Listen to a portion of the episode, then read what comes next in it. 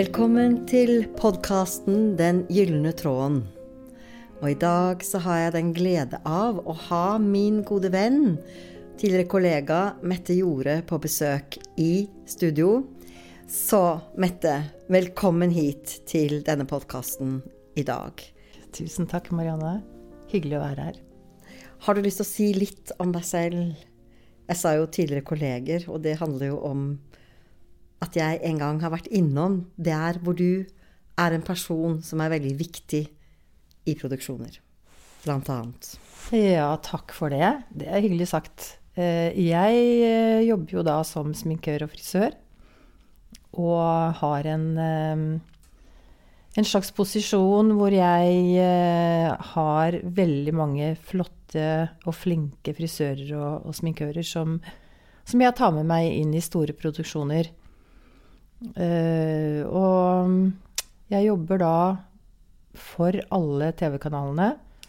Jeg jobber for produksjonsselskapene, så det er litt sånn uavhengig av uh, hvilken kanal dette skal gå på, og de produksjonene jeg jobber på da. Så jeg får produksjoner, og så fordeler jeg litt rundt omkring.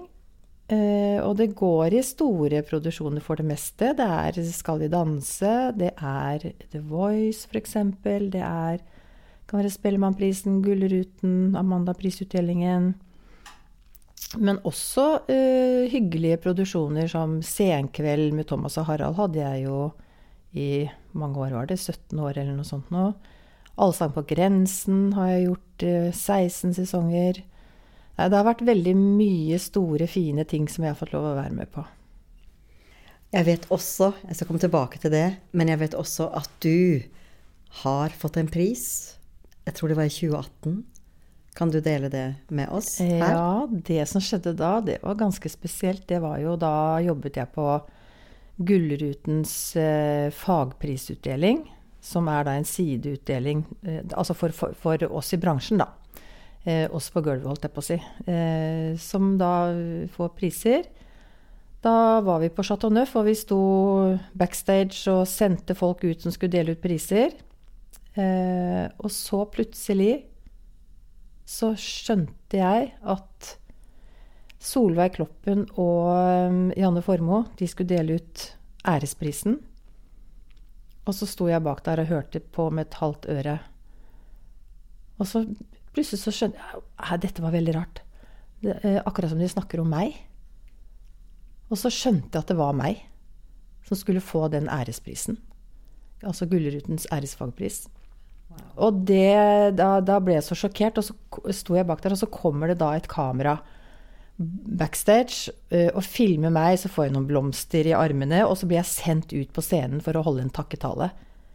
Helt Altså, det, jeg ante ikke hvor jeg var. Wow. så da måtte jeg holde en takketale, og jeg, jeg husket ingenting av det etterpå. Men det var så stort, og det var så eh, fantastisk og sjokkerende så ja, det var eh, Det glemmer jeg jo aldri, selvfølgelig, og det tar jeg med meg resten av livet. Ja, det var stort. Ja, det skjønner jeg, og jeg tenker så velfortjent. Tusen takk. For jeg vet jo at du har uh, vært der for veldig mange. Uh, I stolen, som vi jo sier. I mange, mange sammenheng. Alt fra politikere, statsoverhoder, ja, oss folk på gulvet, for å si det sånn. Altså i ja, et stort spekter av mennesker som du har uh, møtt på din vei, og som mm. kjenner deg, virkelig. Ja, jeg har jo blitt godt kjent med veldig, veldig mange gjennom jobben min. Og det er det som er så givende også. Hvorfor jeg liker jobben min, er jo at uh, de sitter i stolen. Jeg får lov til å være med på den reisen deres fra jeg sminker de opp. Eh, vi har fine samtaler.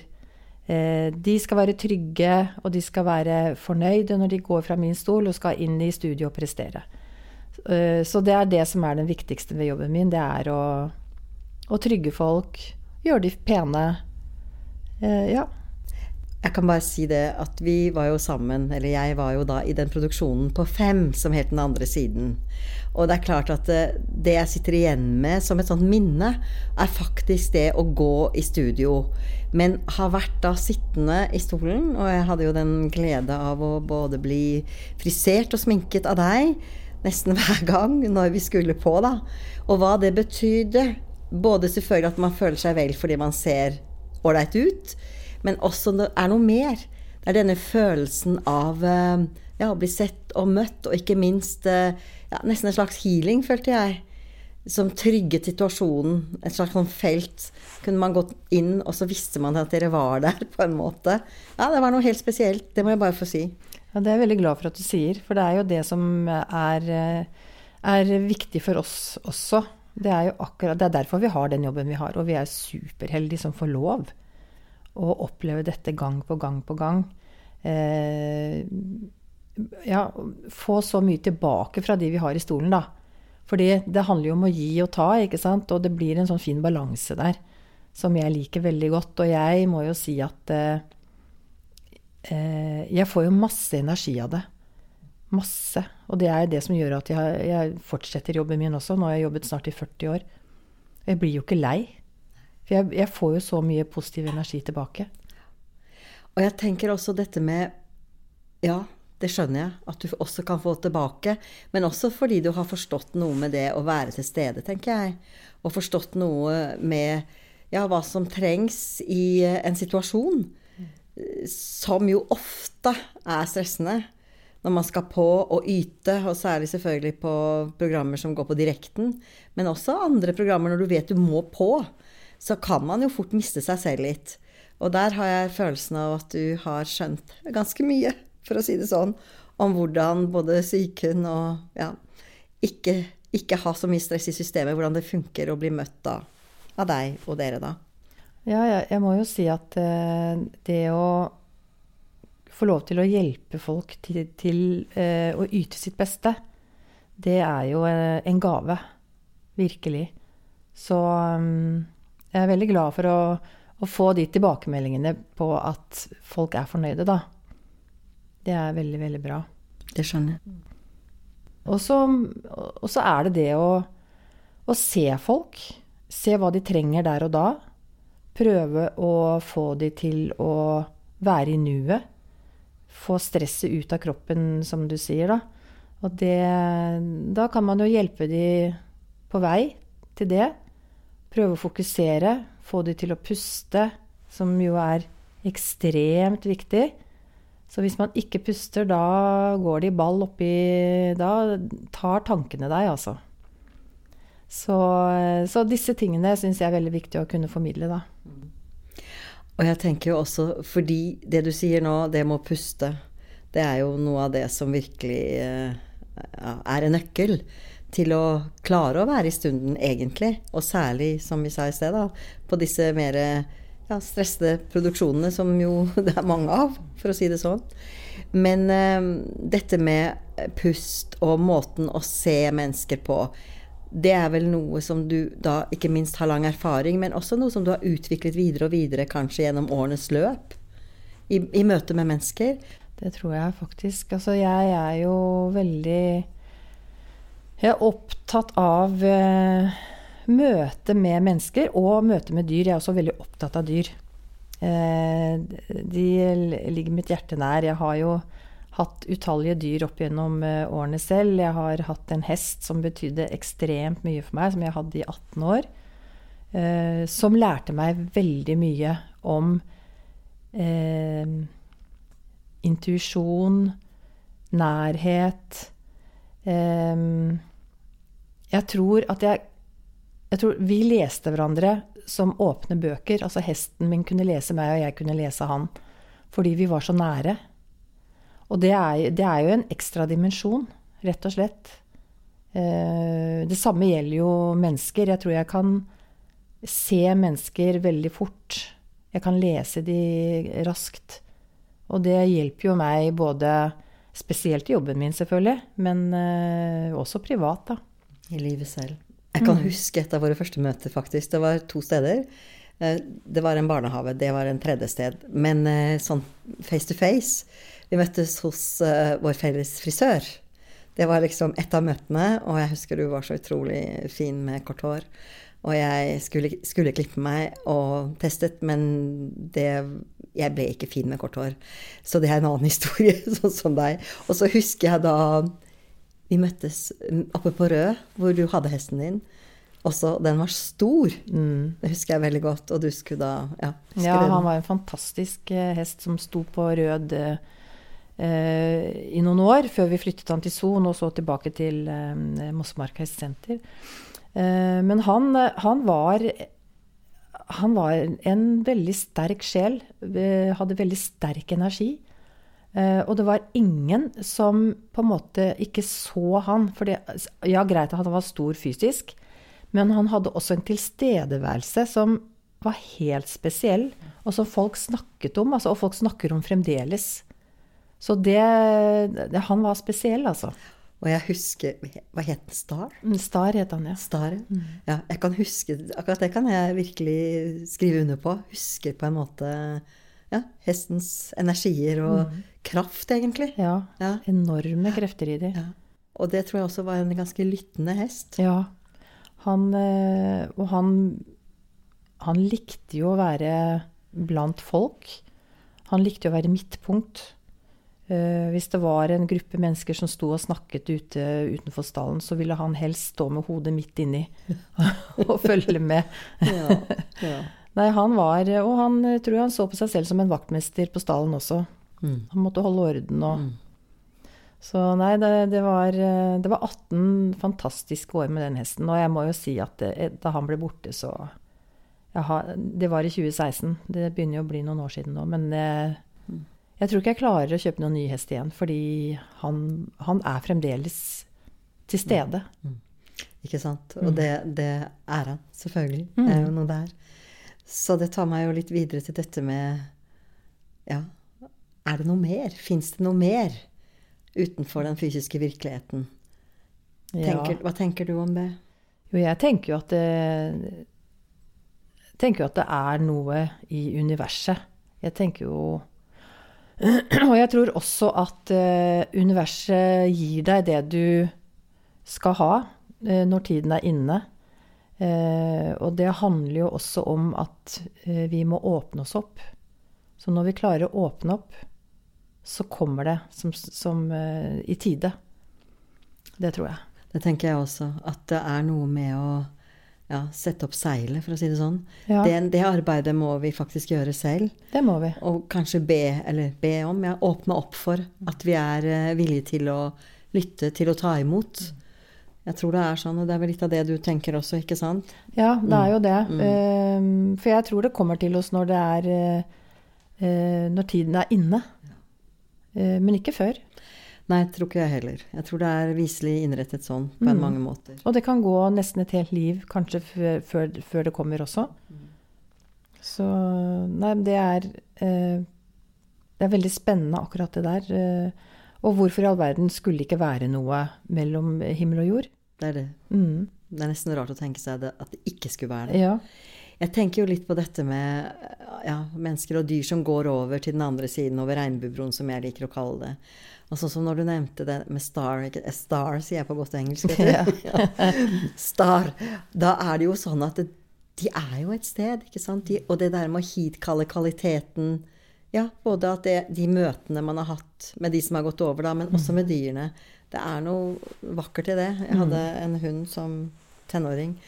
Og det, jeg kan liksom jeg, Ja, den kvaliteten, den, den, er jo der, og jeg tenker ja, de er gått over. Og jeg husker et sånn barndomsminne hvor de, når jeg spurte Jeg husker det var noen dyr som døde i nabohuset. Ja, hvor, hvor, blir det av de dyrene, sa jeg, ikke sant. Jeg var ganske, kanskje seks år eller noe. Hvor blir de av, de som dør, liksom? Ja, de går til de evige jaktmarker, mm. sa liksom de voksne den gangen. Og da så jeg jo for meg disse store markene med Ja, der var de. Der møttes de, liksom. Ja. Rart bilde, men det kan jeg hitkalle, selvfølgelig. For ja. det var sånn jeg var forklart det. Ja. ja, men og det er jo en vakker tanke òg. Mm. Det er jo det. Mm. Ja. Jeg syns jo det. Så jeg tenker litt eh, videre da, dette med verdier. Kan du si noe om hva det er som føles verdifullt, eller gir deg denne følelsen av verdi, da. Gir deg verdi, er riktigere å si. Ja, altså det som er viktig i livet, da, kanskje, det er jo mm, Jeg tenker jo at det For å ha det bra i livet, så må man ha det bra med seg selv. For hvis ikke du har det bra med deg selv, så klarer du heller ikke å gi noe. Eh, og for meg så er det veldig viktig å kunne gi, eh, sånn at eh, jeg har utviklet, tror jeg, gjennom årene en evne til å kunne mestre tankene mine, blant annet. Jeg klarer å, å snu ting hvis det er noe som er vanskelig og, og, og trist og sånne ting, så, så, klarer jeg Altså, du skal jo selvfølgelig gå igjennom Du skal ikke um, Det er litt vanskelig å forklare, men uh, hvis det skjer noen triste ting, så skal du selvfølgelig ikke bare blåse det vekk. Du skal gå igjennom det, og du skal prosessere ting. Men så kan du jo velge da om du vil bli værende nede i eh, det triste eller det vanskelige, eller om du klarer å snu det, så du kommer deg opp igjen og kan gå videre. Der, jeg, der vet jeg at jeg er veldig god, faktisk. For det klarer jeg veldig, veldig bra. Og det har hjulpet meg veldig i både mitt virke og i livet generelt. At jeg har den evnen at jeg kan, eh, kan snu ting og gå videre. Og eh, uten selvfølgelig å Jeg har ikke glemt det, for det er jo i meg allikevel. Men du klarer å håndtere det på en, en positiv måte, da. Og det er utrolig fint det du sier, og at det er også en trening i det, selvfølgelig. Og jeg har gjort det over lang tid. Men at det er en stor, stor forskjell på hvordan man tar det. Mm. Og at det hjelper jo virkelig hvordan man har det. Men at du også da har forstått, eller forstår, da, dette med at jeg tenker ja, sånn som ja, sinne, eh, smerte, sorg, hat, altså alle disse både følelser og emosjoner, det har jo på en måte en slags sånn ladning av tyngde i seg. Mm. Så når du klarer på en måte å snu det, så vil jo også energiene høynes, mm. tenker jeg. Og derfor er det jo noe med the mindset, som de sier, eller holdningssettene våre, som har en evne til å gi oss en mulighet til å snu det som er, akkurat som du sier, mm. det som tynger. Mm. Og det er jo en fantastisk evne vi mennesker har, hvis man igjen tar det i bruk. Ja, for det må, det må trenes opp. Eh, jeg kjenner jo mange som, eh, som, ikke klarer det. Og som jeg tenker at eh, åh, det hadde vært deilig å hjelpe deg nå til å klare å snu det. Men hvis personen ikke vil det Noen ønsker jo på en måte å bli der nede, eller dyrker nesten det som er negativt, ehm, da er det vanskelig å hjelpe, fordi vedkommende må ville det selv.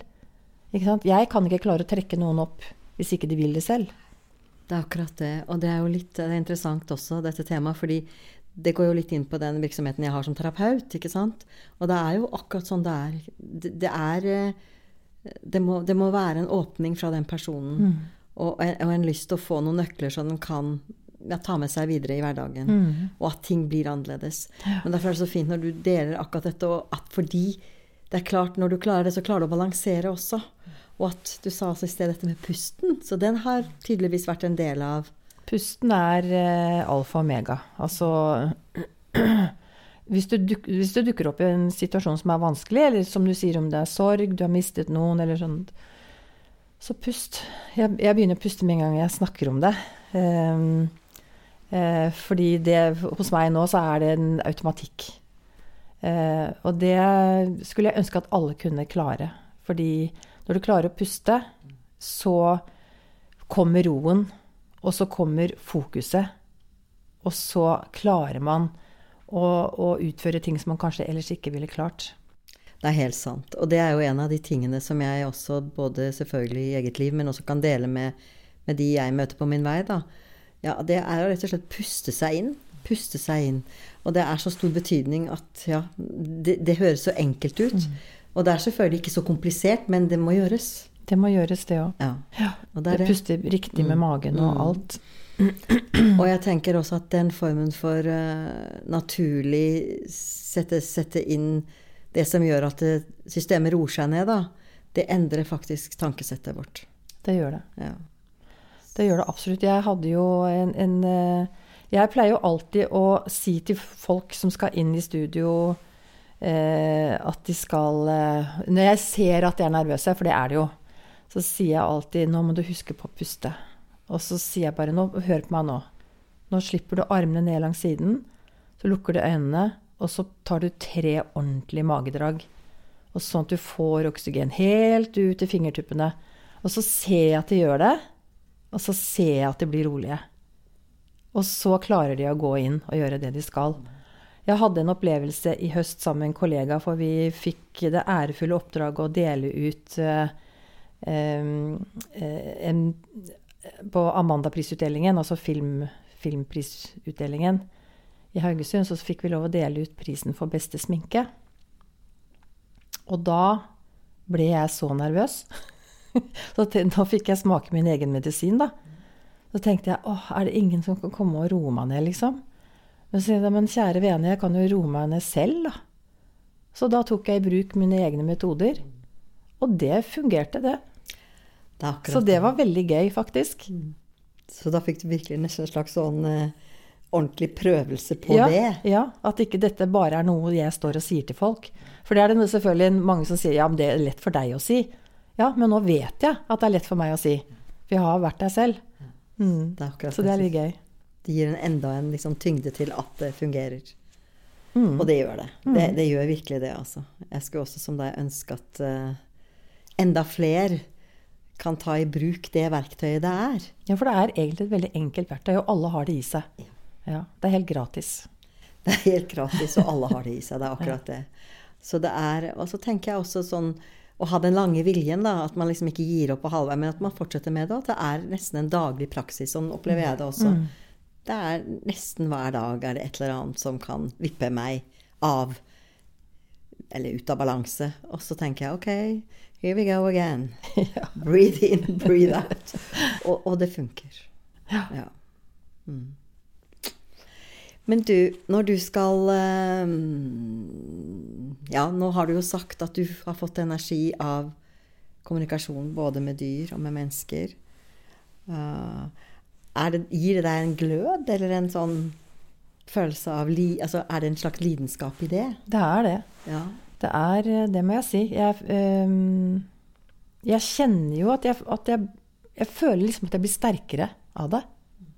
Ehm, jeg tror at uh, grunnen til at jeg holder på også med å jobbe sånn som jeg gjør fremdeles etter så mange år, det er jo fordi fordi det gir meg en ekstra dimensjon. Altså jeg, jeg vokser veldig på det fremdeles. Ehm, selv om selve yrket er ganske slitsomt, så, så holder jeg ut fordi, fordi det er så viktig for meg. Også fordi at jeg føler at jeg har kommet Altså, jeg er jo her fordi jeg skal hjelpe. Og, Ja. og, da, og da er det jo Det er jo dette jeg skal gjøre.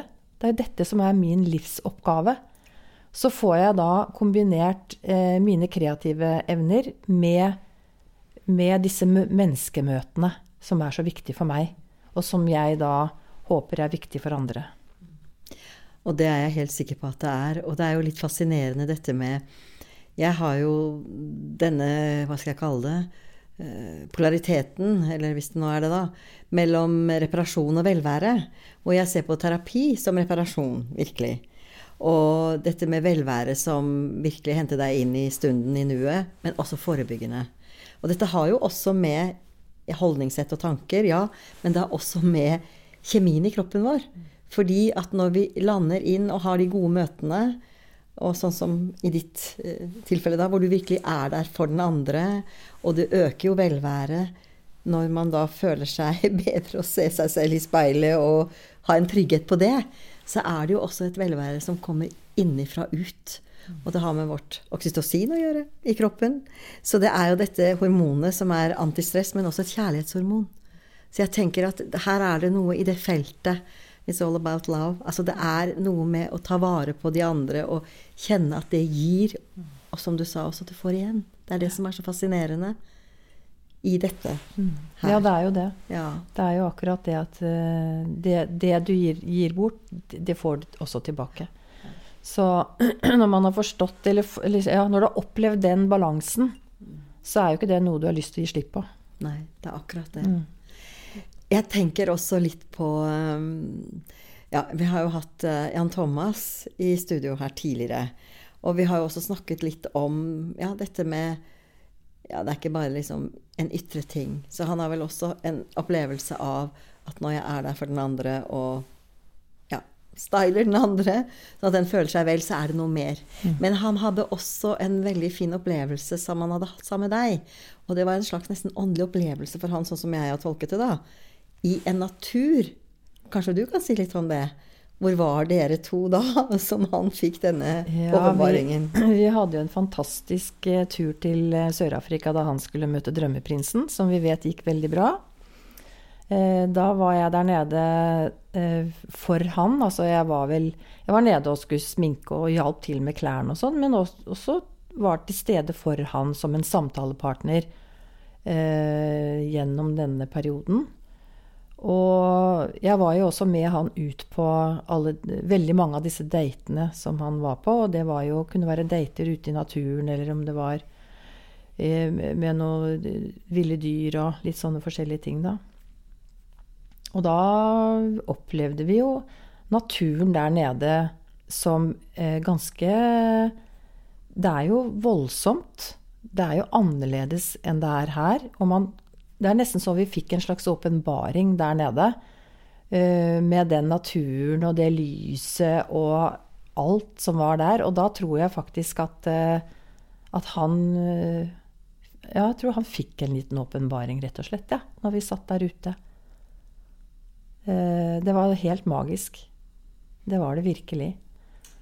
Og jeg tenker sånn som du, forklarer, eller sånn som du deler også nå, dette, disse øyeblikkene hvor det er noe med øyeblikk og evighet blir på en måte ett. Og denne stillheten, eller denne ikke noe tom stillhet, men fylte stillheten, da tenker jeg at det er en slags eh, hva skal jeg si, Det er akkurat som sløret blir trukket litt til side. Og her har man disse her dimensjonene som jeg er så opptatt av. At man på en måte Akkurat som man går over i noe mer, da. I en sånne store naturopplevelser. Ja, det er jo det som skjer, tror jeg. Vi, vi, vi, kan jo, vi kan jo ha, altså Disse øyeblikkene kan vi jo oppleve eh, plutselig I morges, f.eks., da jeg kjørte, skulle kjøre ut hit, så var det altså Så fikk jeg en sånn sånn aha-opplevelse med, med, solen og lyset som kom innover Frognerkilen. Og så var det is på vannet, så lå det en båt, og så var det, så var det litt sånn, du vet, sånn røyk oppå vannet. Og det var så vakkert. Så da bare ble jeg sånn Å, neimen i alle dager måtte jeg si høyt til meg selv. Dette var jo helt vanvittig. Og da får du lyst til å stoppe og liksom bare være i det. Men da satt jeg i bilen, jeg måtte bare fortsette å kjøre. Men det er sånne små øyeblikk eh, som natur, naturen bare gir til deg. Det bare, det bare, kommer innimellom. Og det tror jeg det er, det er så verdifullt. Jeg tenker også at det er utrolig verdifullt. Og nå heter jo denne podkasten Den gylne tråden. Og det er disse ja, kall det gjerne gylne øyeblikk, da. Som plutselig bare gjør at uh, det føles som det er mye mer, og at en selv er på en måte en del av noe mer. Sånn tenker jeg om det vakre du delte nå, ikke sant? Ja, og, og, og bare det at uh, At man da selvfølgelig må ta det inn. Du tar det jo inn. Og så uh, føler man seg kanskje litt sånn liten i det store universet. Men samtidig så er vi en del av det. Og det er det som er så fint. Det er akkurat det. Og det er jo en, denne, denne, følelsen av å være en del av noe veldig større. Men det er akkurat som det, man forstørres jo i det, eller man blir litt større, eller man vokser litt inn i det også. Dette mektige på en måte, da. Og så litt tilbake til dette med, med skjønnhet. Altså Indianerne har jo et sånn saying 'walk in beauty'. Og det syns jeg er så fantastisk, for det betyr jo ikke bare liksom en utenpå fasade-skjønnhet. Det betyr jo nettopp dette her, tenker jeg. Altså skjønnheten som vi da plutselig kan oppleve på den måten, da. Og at det åpenbarer det mer. Så jeg mener at det er en av nøklene til eh, den andre siden, eller til det som er ja, universet, hva man måtte kalle det. Ja. Gud. ja. ja, ja, man kan jo kalle det hva som helst, egentlig, så lenge Mm. det betyr noe for en selv, da. Eh, Jeg liker jo å kalle det for universet, eh, som åpenbarer seg i da f.eks. en sånn opplevelse som jeg hadde i morges. Um, og det Kanskje de prøver å si oss noe, men vær åpen. Vi må bare være åpne. Det tenker jeg også. Og det er det eh, Vi er jo så travle, ikke sant? Det er så lett å være avstengt, sånn at ikke man får med seg dette som ønskes å åpenbares gjennom ja, skjønnhet. Og det kan jo være forskjellig for de forskjellige. Men eh, mange av oss har vel dette med naturen som bare plutselig blæster. Og jeg tenker tilbake litt på dette med yrket ditt også. Der har vi liksom dette med velvære, skjønnhet, og at det er portaler. Og det som du sier, at du, du har jo ja, dette krysset mellom terapi og velvære, da. At du sier at det er en hjelper. Jeg har liksom sett at det er det jeg er i dette livet, eller utvikler og har kommet for, kanskje til og med. Og jeg har vel en slags uh, parallell til det å være der for, ikke sant? De andre. Um, medvandrer, som jeg også kaller det. Men den betydningen av det, da. Og hva man kan da bibringe i stunden, og som selvfølgelig man også får næring fra selv også, heldigvis. Ja. Ja. Men man må ta seg tid til å være der. Og det vet jeg at Ja, du tenker også på. Ja, man, må, man er nødt til å i hvert fall forsøke å være i nuet. Eh, Det tror jeg er utrolig viktig, fordi eh, som jeg sa i sted også, jeg er jo litt opptatt av dette med å eh, mestre tankene sine. Fordi tankene våre har jo en tendens til å løpe av med oss. og lure oss litt og fortelle oss ting som ikke er sant, rett og slett. Da, og da når tankene setter i gang, så går det utover kroppen også. Så det er viktig å, å puste, da. For da når du puster, så klarer du å kontrollere tankene dine på en annen måte. Eh, Så det, det for meg så er det utrolig viktig. Og det er så sant også, for jeg tenker at eh, Jeg pleier å liksom si at vi har Noen ganger så er eh, tankene helt automatiserte og mekaniske. Og det er sånn at emosjonene våre kan trigge nettopp disse mekaniske tankene. Og så kan de igjen forsterke emosjonene, de negative emosjonene, og så er det en loop. Og så blir man kanskje et offer for den loopen. Men dette med pusten gjør jo at vi virkelig kobler både på følelser, hjerte, men også kobler da den litt for hurtige bevissthetsstrukturen der og da til resten. Så man lander inn. Og da kommer man til stunden som mulighet. Ja, jeg tror at eh, pusten jorder oss Ja. på en måte. Um, eh, at vi klarer å strukturere tankene litt, og at vi klarer å få et fokus. Fokusere på det vi egentlig skal gjøre. Og at ikke alt bare flakser rundt. Og, og, det- og det tar oss inn i det som er meningsfylt også, og gir oss denne lille muligheten da, til både ja, stunden, men også refleksjon og her og nå. Og hva som er verdifullt, eller hva som betyr noe. Så det er jo en av de tingene som ja, selvfølgelig jeg er også veldig opptatt av i livet selv. Uh, og en av de tingene som jeg har pleid å, å gjøre, har vært en sånn liten øvelse så når vi etter hvert avrunder, så, som også handler litt om pusten, da. For å påminne ja, de lytterne på at det, det er fint å gjøre. Og fint å ha. Og jeg hører jo virkelig, du har jo virkelig gjort det over lang tid. Så det er ikke noe du har gjort én gang, og så er det liksom ferdig. Det er ikke sånn. Nei, altså dette, dette har jeg holdt på med i årevis. Ja. Mm. Så det, det Jeg anbefaler alle å prøve. Det er akkurat det. Mm. Å, la, å la det å, å la, ta det inn sånn som Ja. For det er jo noe med det når vi, når vi danner eh, jeg håper å si, gode vaner kontra dårlige vaner, så vil de gode vanene også etter hvert hjelpe oss tilbake, sånn at vi husker på det. Mm. Og det er igjen dette med å integrere ting i det fysiske Ja, som er viktig. det er helt riktig. Um, ha, har du noe håper å si, yndlingssted som du pleier å være som, ja, i natur, eller hvor du virkelig kan hente deg inn utenom det vi har snakket om nå? Det, hva gjør du da? Har du noen steder du går til, eller Ja, altså jeg er eh, Jeg pleier å si at jeg er veldig urban. Jeg liker det urbane. Jeg, liker, jeg pleier å reise på ferie til store byer. Eh, jeg får energi av litt sånn pulserende liv. Eh, jeg syns det er eh, Jeg syns det er litt deilig å se på folk som haster hit og dit, og så Nei, jeg liker store byer. Samtidig som jeg syns det er deilig med natur, selvfølgelig. Jeg har jo vært veldig mye i naturen med hest, bl.a. Og med, med, dyr, med hunder og eh, Det syns jeg er eh, Det gir en helt annen ro igjen. Så man kan jo få energi av både det ene og det andre, og jeg tror at det aller viktigste er den balansen, da. Ikke sant? At det ikke bare er én ting, men at det kan være flere ting som man får energi av, og som man eh, ja, kan, kan, slappe av i. Og det er litt morsomt at du nevner storby også, ikke sant. Og nettopp dette her, the beat, eller det pulserende. Ja. Du, er det noen spesiell storby du liker bedre enn andre?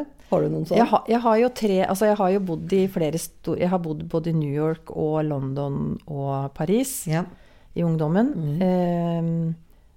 Eh, så de tre byene ha, liker jeg godt. Eh, jeg har vel vært Og Roma har jeg blitt veldig glad i de siste årene.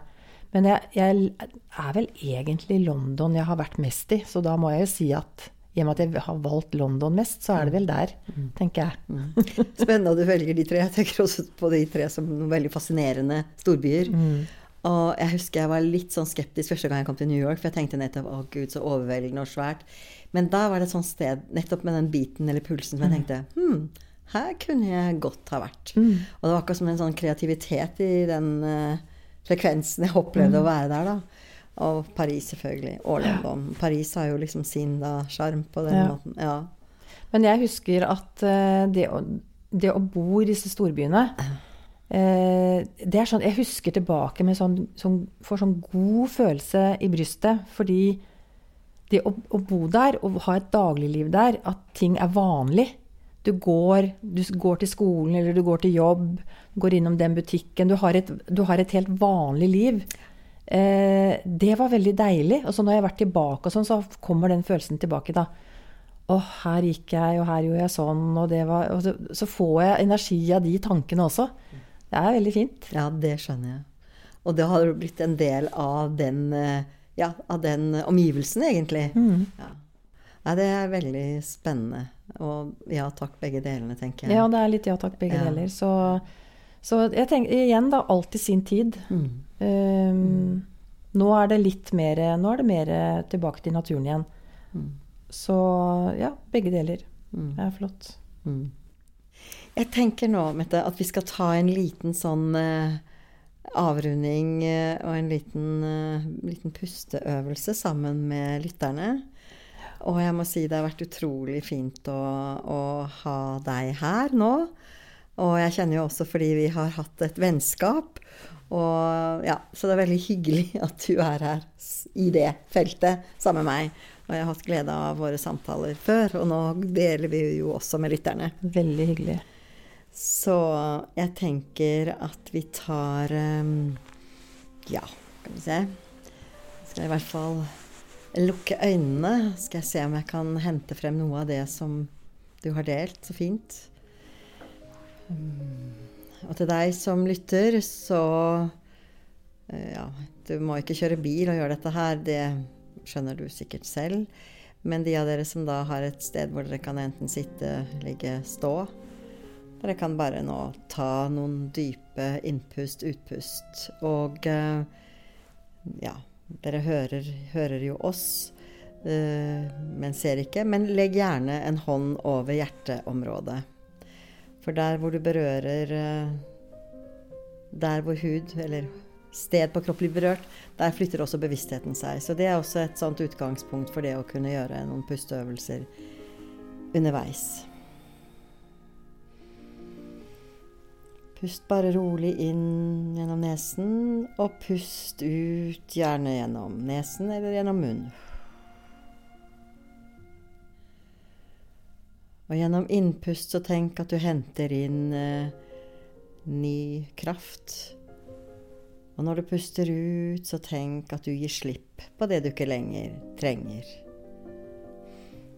Pust inn det som nærer, og pust ut det som tærer. Kjenn etter hvordan det føles etter å ha gjort et par innpust-utpust til.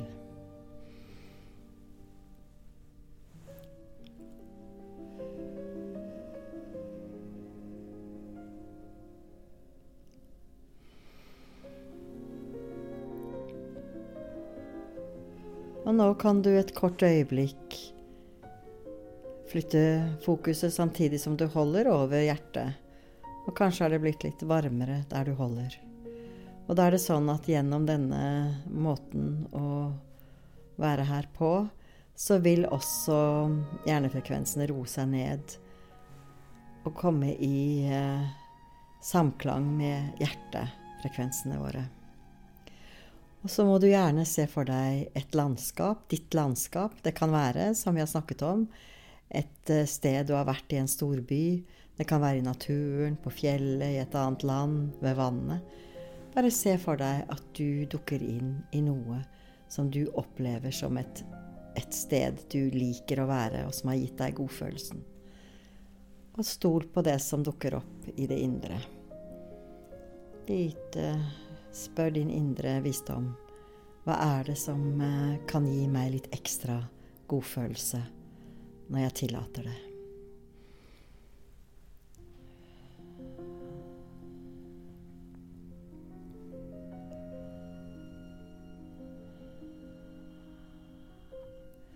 Og det som er noe av poenget, er jo å legge merke til hva det gjør med deg. Om det virkelig skaper en slags uh, ro eller en uh, interesse eller en glede? Hvilke følelser skaper det i deg når du knytter an til det som tidligere også har gitt deg en følelse av ro, fred, stillhet, glede? Og med dette så vil jeg avrunde denne stunden sammen med Mette og takke deg for at du kom i studio. Tusen takk. Og takk til dere som har lyttet på. Vi høres igjen. you.